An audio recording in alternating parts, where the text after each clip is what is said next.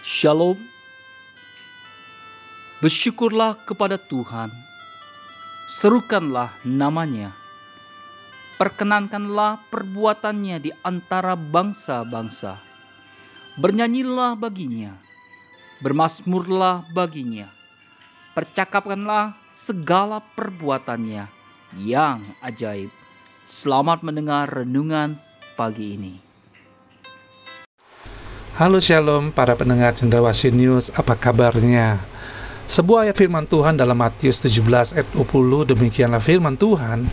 Sesungguhnya sekiranya kamu mempunyai iman sebesar biji sesawi saja Kamu dapat berkata kepada gunung ini pindah dari tempat ini ke sana Maka gunung ini akan pindah dan takkan ada yang mustahil bagimu. Wow, Ayat firman Tuhan di atas itu begitu menggoda dan menarik buat siapa saja yang bisa memiliki iman seperti itu. Sebab dengan memiliki iman seperti itu, saya dan saudara akan bisa berteriak, I'm possible, nothing impossible.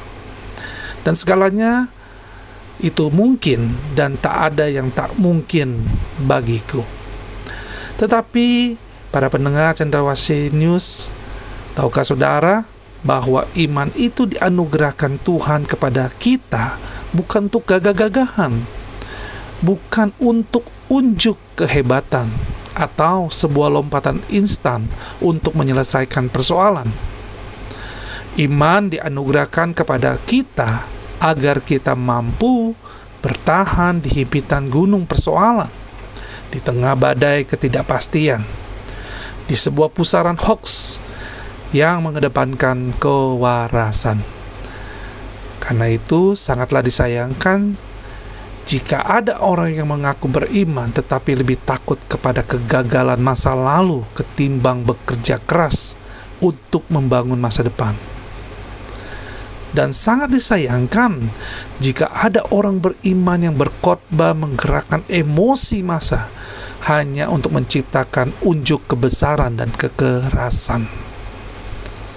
Dan sangat juga disayangkan jika ada orang yang mengaku beriman tetapi mengandalkan hoax dan adu domba sebagai mata pencaharian. Dan juga sangat disayangkan jika ada orang yang mengaku beriman tetapi takut pada anak-anak yang memuji Tuhan hingga harus mengerahkan masa yang banyak untuk melarang orang beribadah kepada Tuhan. Saudara-saudaraku yang kekasih para pendengar Cendrawasih News, iman itu membutuhkan hati yang teduh, tenang. Dan iman itu juga membawa keharmonisan dan perdamaian. Iman juga memerlukan keberanian untuk mempercayai bahwa Tuhan adalah Tuhan atas segala makhluk dan golongan. Dan yang terakhir dikatakan bahwa iman itu membutuhkan mata baru untuk melihat bahwa Tuhan bisa memakai apa saja, bahkan siapa saja untuk mendatangkan kebaikan dalam menciptakan keseimbangan kehidupan.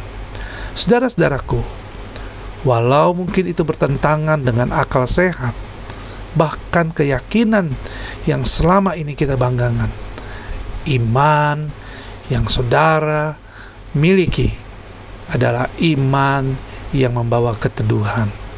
Puji Tuhan, Selamat beraktivitas, selamat bekerja, dan Tuhan Yesus memberkati kita semuanya. Amin.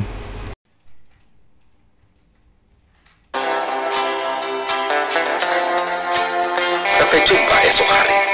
Kiranya damai sejahtera dari Allah Bapa, kecintaan dan kasih karunia Tuhan kita Yesus Kristus, persekutuan serta penghiburan Roh Kudus menyertai kita sekalian mulai hari ini sampai Maranatha Tuhan Yesus datang. Amin.